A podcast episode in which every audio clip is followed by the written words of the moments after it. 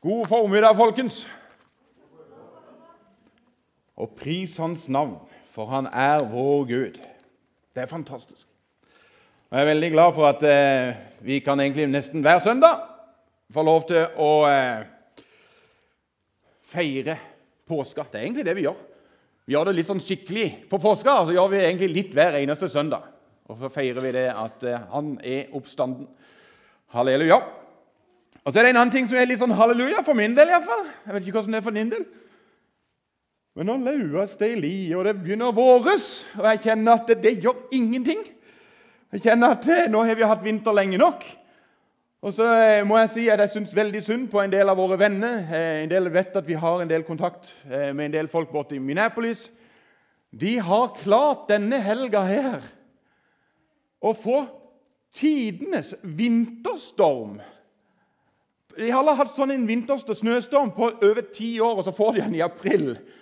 Så Jeg hadde noen meldinger på morgenen i dag at det var noen som syntes at livet var ganske vanskelig. eh, og det var ikke noe greit. Og, det, endte med, det er faktisk så ille at de har kansellert alle gudstjenester. Det, det er på en måte ikke gjennomførbart å klare å komme seg fram engang. Altså, så ille er det. Og så tenker jeg takk og lov at vi ser at nå smelter denne snøen. Og så skal vi ikke se den igjen på et år. Amen. Hørte jeg ikke noen sa det der? Noen burde sagt det iallfall. Eh, skulle forresten hilse fra, fra Markus eh, og Malene, som eh, var her eh, eh, Malin, mener jeg, ikke Malene. Malin, eh, som var her eh, sist søndag. De syntes det var veldig kjekt å være her. Eh, Markus pratet om det om, å ha eh, evighetsbriller. Det å bygge livet opp i forhold til at det er en evighet. Og er det noen, Han fikk ikke sagt det skikkelig, men er det noen som har evighetsbriller, så er det de to der. altså. For eh, det kommer kanskje ikke så tydelig fram. Markus har sagt opp sin stilling som ungdomspastor i Lyngdal. Så i august så tar han med seg sin kone, deres nyfødte barn, som skal komme i juni. Og så reiser de tre til Tromsø for å bli pastorpar i Misjonskirka der oppe. Og Da tenker jeg, da tenker du langsiktig perspektiv. Altså når du flytter til Tromsø, Det er mer som én ting. altså Du forlater en fantastisk flott by nede på Sørlandet og flytter til en flott by på Østlandet. Det er mer som en ting. Men når du mest flytter til Tromsø så jeg sier det at eh, Du som er en litt sånn forbe som vet å kunne kneppe dine hender og be, eh, husk på det i bønn. Eh, for er det noe vi virkelig ønsker, så er det at det skal skje enda mer oppe i Tromsø. Så eh, Med det sagt så, som jeg sier, at det passet litt greit at de ungene her var og, eh, framme og sang 'Når det stormer, når det stormer'. For Jeg vet ikke om dette er en god taletittel, men jeg har tenkt at i dag så er dagens tittel Hvis jeg bare setter denne på, så hjelper kanskje det. Dagens tittel 'Ekte slåsskamp'. Jeg vet ikke om det er en god tittel, men det var det jeg endte ut med. Eh, og så kan du tenke hva det går i. Men jeg tror det kan bli litt utfordrende. Og, og Når vi har en litt sånn utfordrende tale, så, så er ikke det bare for å være utfordrende for å være utfordrende. Men rett og slett fordi at det, ofte når vi blir utfordra, så er det Gud som utfordrer oss for at han ønsker å knytte oss nærmere seg. Og han ønsker kanskje å lede oss inn i noen nye ting, og som er kanskje enda mye bedre. Så før vi eh, taler videre, så har jeg lyst til at vi skal be en kort, liten bønn. Jesus, takk for det at eh, du er her. Jeg ber deg om at du gir meg nåde og forstand til å dele ditt ord på en viselig måte. Og jeg ber deg om at det skal få lov til å gå fra hjerte til hjerte. Det ber jeg om i Jesu navn. Amen.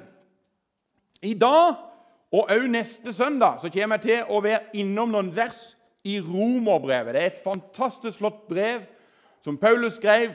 Og Hvis ikke du har lest det, gå hjem og finn i Nytestamentet Romerbrevet. Et fantastisk brev.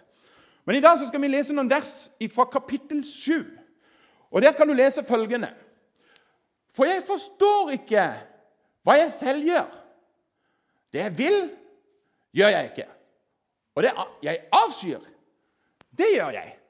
Og Så fortsetter han i vers 21. Der skriver han Jeg finner altså denne loven, at denne loven gjelder. Jeg vil gjøre det gode, men kan ikke annet enn å gjøre det onde. Du skal få lov til å slippe opp og rekke opp noen hånd eller noen sånne ting. Men er ikke dette litt sånn tilfelle? At disse versene her er veldig sanne for våre liv? At vi opplever at det vi egentlig hadde lyst til å gjøre, det ble ikke sånn som vi hadde tenkt det skulle. Altså, Du har på en måte planlagt at i kveld skal jeg ha en kjempegod samtale med mine barn, eller i kveld skal jeg ha en ordentlig god prat med min ektefelle eller noen venner. eller... Og så blir hele samtalen noe helt annet enn det du hadde tenkt. Altså, Du planla noe godt, og så ble det bare noe som ble sårt og vanskelig. Eller at du f.eks. har sagt til deg sjøl at du skal skjerpe deg på noen områder. Du sier f.eks. at 'jeg skal aldri mer baksnakke'. Det skjer faktisk også i kristen sammenheng at folk baksnakker. Og så sier du 'det skal jeg aldri mer gjøre'. Jeg skal aldri mer baksnakke. Og så plutselig så tar du deg i at det er akkurat det du gjør. Plutselig så er du på en måte i den samme suppa en gang til. Eller du vet at du har noen sånn dårlige vaner. Noen ting du vet at 'dette her bør ikke jeg holde på med'. Det kan til og med være ting som du vet at vet du noe, dette er galt, dette er synd. Dette ødelegger både for meg og for andre. Og så sier du 'nei, det skal jeg slutte med'. Og så plutselig så tar du deg i at 'oi, det gode jeg hadde tenkt å gjøre', det ble ikke sånn som jeg ønska det skulle bli. Så hvordan er det med det? Hva sliter du med? For de fleste av oss her inne har noen ting som vi syns er utfordrende og vanskelig. Hva sliter du med? Hva sliter jeg med? Jeg vet at Når eh, pastorer på en måte sier litt at ting ikke alltid er på stell, så blir noen litt sånn overgitt. De tenker at pastoren er perfekt. Og det er, det er jeg ikke. De som har begynt å kjenne meg ganske godt etter disse fire årene vi har vært vet bare det at nei, han, han, han, så ganske perfekt ut i utgangspunktet. Men så har vi begynt å bli kjent med han, og så har vi skjønt at han her er faktisk ikke helt perfekt.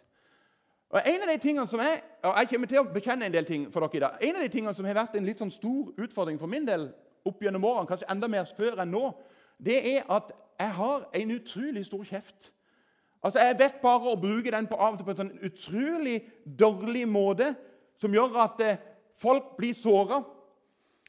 Jeg jobbet tidligere i en butikk for mange år tilbake, siden, og en dag så syntes jeg kontordama der hadde gjort en så slett jobb så istedenfor å gå bort og forklare denne dama hvordan hun kunne gjøre den jobben mye bedre, så ender det ut med at jeg brøler hun huden full og kjefter nord og ned og forklarer henne hvor dum hun faktisk er, og hvor elendig hun er som kontordame, og at hun bør skjerpe seg.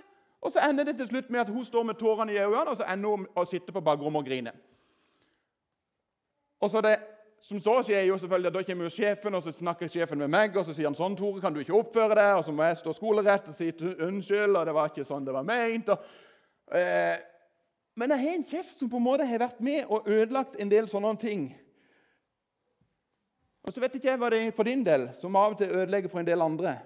Men faktum er jo at alle vi som sitter her inne, vi er syndere. Vi gjør synd. Vi gjør ting vi ikke burde gjort. Jeg syns Paulus, som skriver dette, her, han synes det egentlig er en veldig fantastisk fyr. For han er veldig ærlig om disse tingene.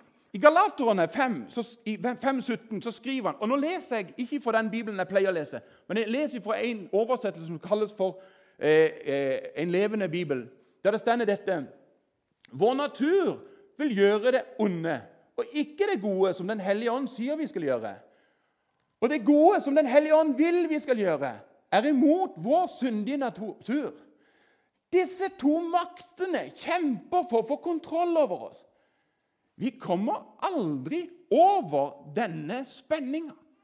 Det er en slåsskamp på innsida som sier 'jeg vil gjøre det gode', og så gjør jeg det ikke. Og så er det en vedvarende kamp. Og så kan en tenke 'uff, det er ikke noe greit', egentlig. Hvis du har det sånn at du kjenner at det er en kamp gående, så skal du være veldig glad for det. Grunnen er det at hvis det ikke er noen kamp, så er sannsynligheten for at du har flytta deg vekk fra Guds vilje med ditt liv. Og Da blir det mindre og mindre kamp. Da er det jo ikke noe kamp om det gode eller det onde. Da er det på en måte bare hva jeg ønsker, hva jeg vil, og hva passer meg best.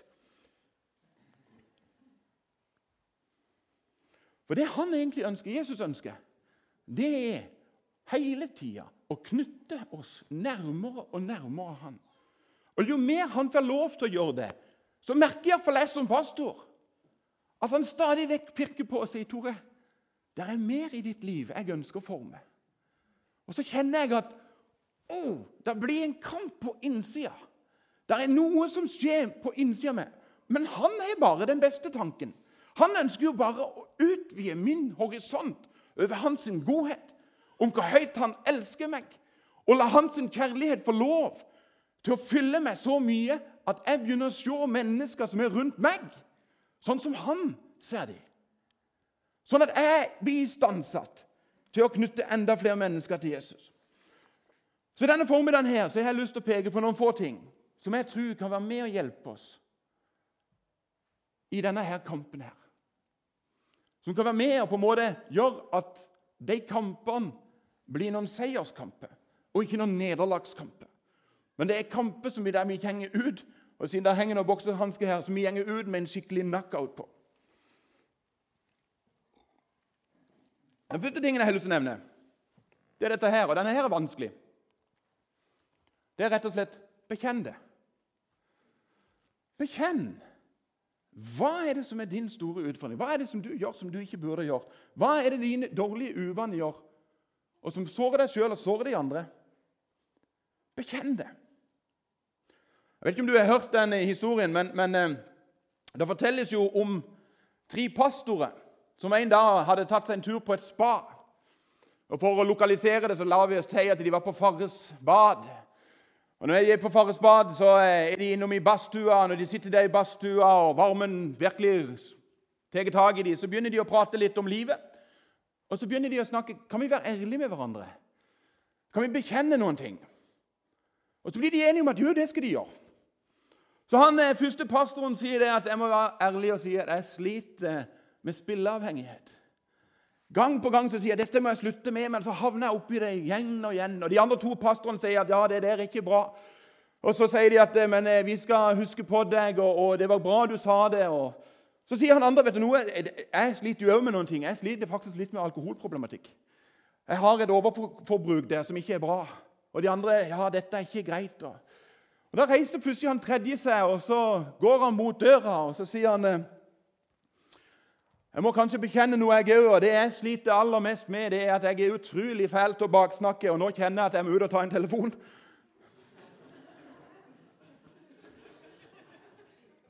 Når en bekjenner, så tenker jeg det er én plass som er bedre enn noen andre plasser å bekjenne, og det er til Gud. Det står i Johannes 1, 1. Johannes brev 1, 9, så stender, Men dersom vi bekjenner våre synder, er Han trofast og rettferdig, så Han tilgir oss synden og renser oss for all urett. Men jeg har òg lyst til å si hva Jakob sier. For Jakob sier dette i vers, kapittel 15, vers 16. Bekjenn da syndene for hverandre, og be for hverandre, så dere kan bli helbredet. Det er noe helt eget. Det er én ting å bekjenne sine synder til Gud. Men det å tørre å stå framfor en annen som du har tillit til, og si vet du noe? Det er noen ting i mitt liv som ingen andre vet om, men jeg har behov for å bekjenne dette. her. For dette er ikke bra. Det ødelegger meg, og det ødelegger andre. Hva enn det måtte være som er din utfordring, om det handler om baksnakkelse, om det handler om sinne, avhengighet, hat, bitter, sjalusi, rus eller egoisme, eller det som Bibelen kaller for selvhevdelse Altså, Du setter deg sjøl framfor noen andre. Er dere klare til å høre mer dårlige nyheter hva slags pastor dere faktisk er? Selvhevdelse har vært en sånn kjempeutfordrende sak for meg. Og jeg så det ikke sjøl. Jeg hadde en som heter Henning, som kom og pirka meg en gang på skuldra. Så sier han, 'Tore, om du er klar over at når du snakker, så sier du alltid når du skal nevne noe om deg og Sissel, så sier du alltid 'jeg og Sissel skal'. Jeg og Sissel. Du setter du alltid deg sjøl først. Og så er det ikke bare det at du sier det, men du oppfører deg jo sånn, Tore. Du setter kona di i en dårlig lys. Og når han sa det, så stakk det meg. Og så måtte jeg bekjenne vet du noe, dette her er sant. Dette er jo ikke bra. Men jeg hadde så veldig behov for å stå fremst og være med som den som er. Se på meg. Med det resultatet det strålte ikke så mye for hun som jeg er gift med.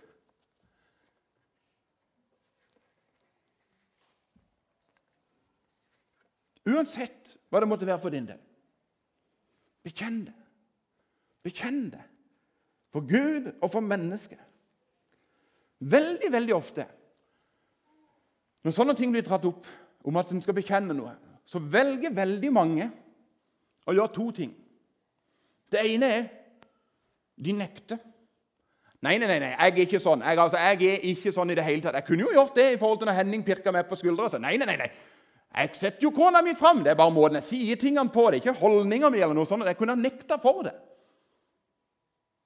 Og så er det jo Noen som faktisk går så langt og sier vet du noe, nei, nei, nei, jeg er så herlig frelst at min syndige natur den er helt borte. Det er ingenting mer igjen på innsida. Jeg er helt, helt syndfri. Det var faktisk ei som sto på talerstolen og talte om det en gang. Hun sto oppe og hadde et vitnesbyrd, og hun var så syndfri. Da var det heldigvis en meget, meget vis møteleder som reiste seg opp, tok med seg sitt vannglass, og mens dama sto og prata, så tok han vannglasset, og så tømte han hele greia rett i fjeset på henne.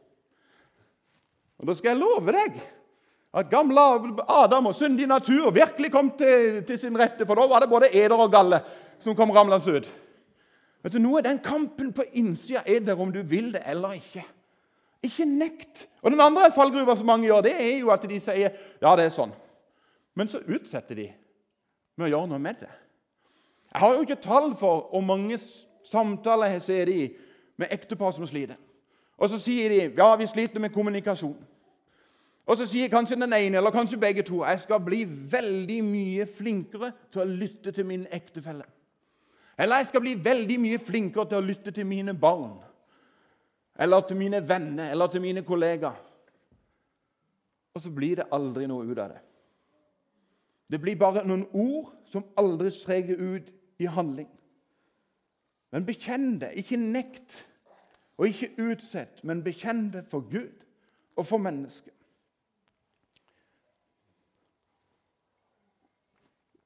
Det andre jeg har lyst til å nevne, i tillegg til å bekjenne det, det er dette her. Ikke skyld på andre. Ikke skyld på andre. Vet du noe? Jeg liker når Paulus er så veldig ærlig, for han sier det at eh, 'Jeg er en synder'. Igjen og igjen så sier han det. 'Jeg er en synder. Det er min synd. Det er min skyld.' Og så gjør han just det motsatte av det Adam og Eva gjorde. Jeg vet ikke om dere husker fra søndagsskolen Adam og Eva, de to første menneskene. Og så har de spist av denne frukten som ikke de skulle spise. Og så kommer Gud vandrende i hagen og så sier han til Adam, 'Adam, har du spist av den frukten du ikke skulle?' Hva er det Adam gjør for noe? Ja, men du, Gud, Gud, Gud, det var hun. Hun, hun der dama der, vet du. Hun som du ga meg, som skulle være så bra. Det er jo hun sin feil. Og så begynner jo Eva rett etterpå. Ja, ja, men, ja, men kjære Gud, det var jo slangen som sa Og så fortsetter den å skylde. Og det interessante er jo at denne her har vi tatt med oss. I generasjoner etter generasjoner så peker vi på alle mulige andre og sier det er disses feil at jeg er der jeg er, og at jeg gjør det jeg gjør. Det kan være alt ifra at er dårlig karakter. Det er pga. læreren min. Læreren min er jo håpløs. Igjen tilbake til den perfekte pastoren deres. På videregående skole ble jeg tatt ut av en time av læreren, der læreren sier Tore, du har en ekstremt dårlig karakter i dette faget. Og Da åpner den store kjeften seg. Og istedenfor å erkjenne og bekjenne det, så gir jeg dama en skikkelig overhøvling og sier jeg har en dårlig karakter. Og grunnen til at jeg har en dårlig karakter, er jo fordi at du er jo håpløs som lærer. Du er jo inkompetent til å stå framfor en klasse. Du skulle jo allerede sluppet inn på lærerskolen. Og så gir du meg skylda for at jeg har dårlig karakter. Og så ga jeg jo noen enda kraftigere salver, og så til slutt så står en voksen lærer og griner.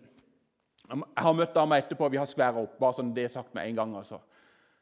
Men sannheten for at jeg hadde en dårlig karakter, var at jeg hadde aldri åpna lærerboka i det faget der. Jeg bare tenkte jeg er jo såpass intelligent at dette tar jeg av seg sjøl. Men faktumet var at istedenfor å bekjenne det, så både nekta jeg for det og skyldte på andre for at jeg var i den situasjonen jeg var i. Andre mennesker jeg har møtt, sier det at grunnen til at jeg er som jeg er, er at foreldrene mine oppførte seg sånn som, jeg, sånn som de gjorde. Og pga. at de oppførte seg sånn, så er jeg blitt sånn. Miljøet mitt, vennekretsen jeg er i, har vært med å forme meg til den jeg er. Og det er deres feil at jeg gjør de tingene som jeg gjør. Vet du, Bestemora mi hun var bitter, og min mor var bitter. Og jeg skal sannelig min hatt være bitter til det bitter enn. Og så er det andre som sier at sjefen min er helt håpløs. og Den frustrasjonen den drar jeg med meg hjem, hjem, i mitt hjem, og så skal alle få lov til å høre på min frustrasjon over min sjef. Og Jeg har møtt noen sånne folk, og det er utrolig slitsomt å være sammen med dem. Altså, Vi finner dem jo ikke i Porsgrunn, for all del, altså. det er jo ingen sånn i Porsgrunn. Men andre plasser i verden altså, så er det noen sånne som bare har en egenskap til å peke på alle andre for at de er som de er. I den settinga er det veldig viktig for meg å få sagt følgende Enkelte mennesker opplever å bli påført dype sår gjennom, gjennom mobbing, overgrep, psykisk terror, maktmisbruk osv. Og, og de som har opplevd det, er helt uforskyldt havna i den settinga de er. De har aldri gjort noe galt, og de er kun blitt påført sår og smerte av andre. Og de skal aldri bære skyld for det de har opplevd. Det er ikke disses feil. Men om du har blitt påført små eller store sår, eller påført små eller store sår av andre, eller at du har opplevd sår i ditt liv som du er faktisk er stor skyld i sjøl Uansett så har vi et valg. At vi kan velge å gå videre. Vi kan velge å si vet du noe? Det er ikke min skyld, kanskje. Eller jo, det er min skyld, og nå ønsker jeg å gå videre. Jeg vil ta tak i det sjøl. Jeg vil ikke lenger skylde på absolutt alle andre. Eller sagt på en annen måte det er kanskje ikke min skyld at jeg er der jeg er, men det er mitt ansvar å ikke bli værende der. Det kan jeg ta tak i. Jeg kan velge å bare legge skylda på andre om, ting i mitt liv. Eller jeg kan komme meg videre og velge å si i dag i dag så velger jeg en ny vei. Jeg vil ikke lenger skylde på andre, men ta fatt i eget liv og sette ny kurs og ny retning. Det neste jeg har lyst til å nevne, er dette her. Kast det av. Kast det av. I Efeserne så står det følgende i Efeserne 4.: Dere har hørt ham, altså Jesus, og fått opplæring i ham ut fra den sannheten som er i Jesus. Lev da ikke som før, men legg av det gamle mennesket, som blir ødelagt av de forførende lystne.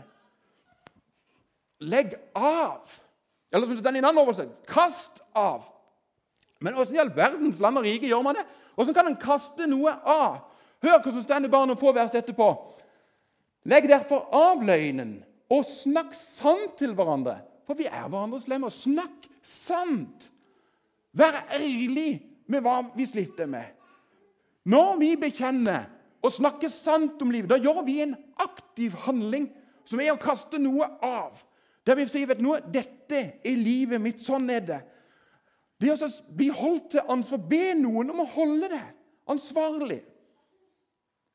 Da får du hjelp til å kaste. Tipp én gang om Henning kom av og til og pirka meg på skuldra og sa du, Tore, nå sier du igjen du og Sissel.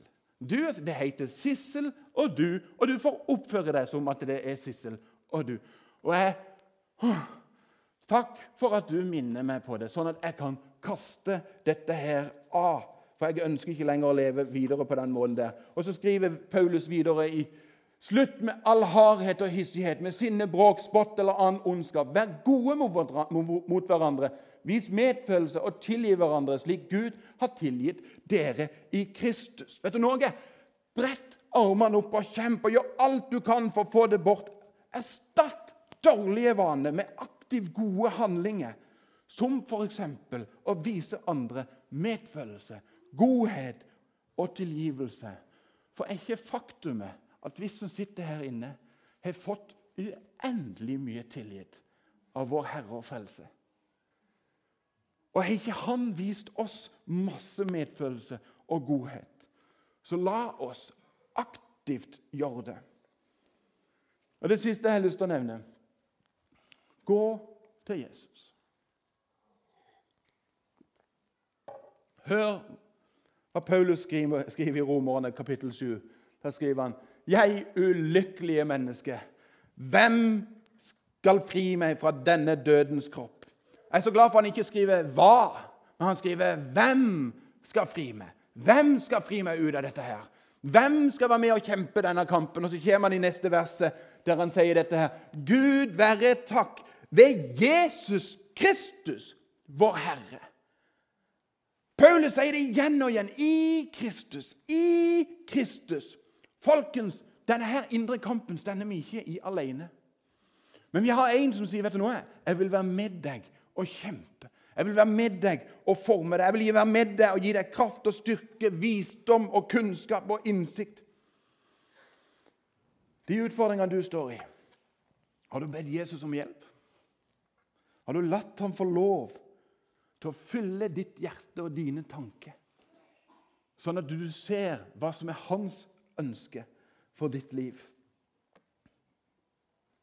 Når jeg satt og forberedte denne talen her, så ble det en liten sånn en stille bønn i mitt stille sinn. Hvordan hadde denne menigheten, hvordan hadde denne byen, hvordan hadde vi som enkeltmennesker sett ut om vi begynte å bekjenne våre synder for Gud og for hverandre? Om vi begynte med å slutte med å skylde på andre? Om vi virkelig begynte å kaste av oss alt som tynger? om vi ba inderlig Gud, hjelp meg. Vet du noe? Helt oppriktig så tror jeg at vi som menighet, denne byen her, hadde sett totalt forandra ut. Totalt forandra ut. Det er jo sant at der mennesker er sammen, der vil en bli såra. For vi sårer hverandre. 100 sikkert, Samler du noen mennesker sammen, så er det noen som vil bli såra av hverandre. Men like sikker som at en kan bli såra, så er det dette at der mennesker ber om tilgivelse, der mennesker bekjenner, så får kjærligheten lov til å få stor plass. Og der kjærligheten får lov til å vokse og få stort rom, så får Jesus lov til å gjøre sitt verk i oss. Der han sier 'Jeg ønsker igjen å forme deg' ønsker å forme deg til det du er kalt til å være. Ønsker å utvide ditt landskap så du ser mer av hvem jeg er, og hvor høyt jeg elsker deg. Jeg ønsker å forme deg mer og mer til å se hva du kan få lov til å bety for mennesker rundt deg. Ønsker å forme deg mer og mer og hjelpe deg å ta vekk ting som ikke burde være der. Frykt, avhengighet, whatever. Sånn at han, Jesus sjøl, kan få lov til å få lyse igjennom oss. Lovsangstime, dere kan komme fram, og så skal vi reise oss og så skal vi be en bønn til slutt. Jesus, jeg takker deg for det at eh, vi kan få lov til å komme med absolutt alle ting framfor deg. Jeg ber deg, Jesus, om at eh, du hjelper oss i disse tingene. Vi har så lett for å skyve det unna og si at 'jeg har ikke noe problem'. Vi har så lett for å bare ikke ville bekjenne at det er noen ting som er galt. Vi har lett for å skjule ting. Jeg ber deg, Jesus, hjelp oss til å bekjenne det framfor deg og for hverandre. Rens oss, Jesus, òg i dag. Det ber jeg om i Jesu navn. Amen.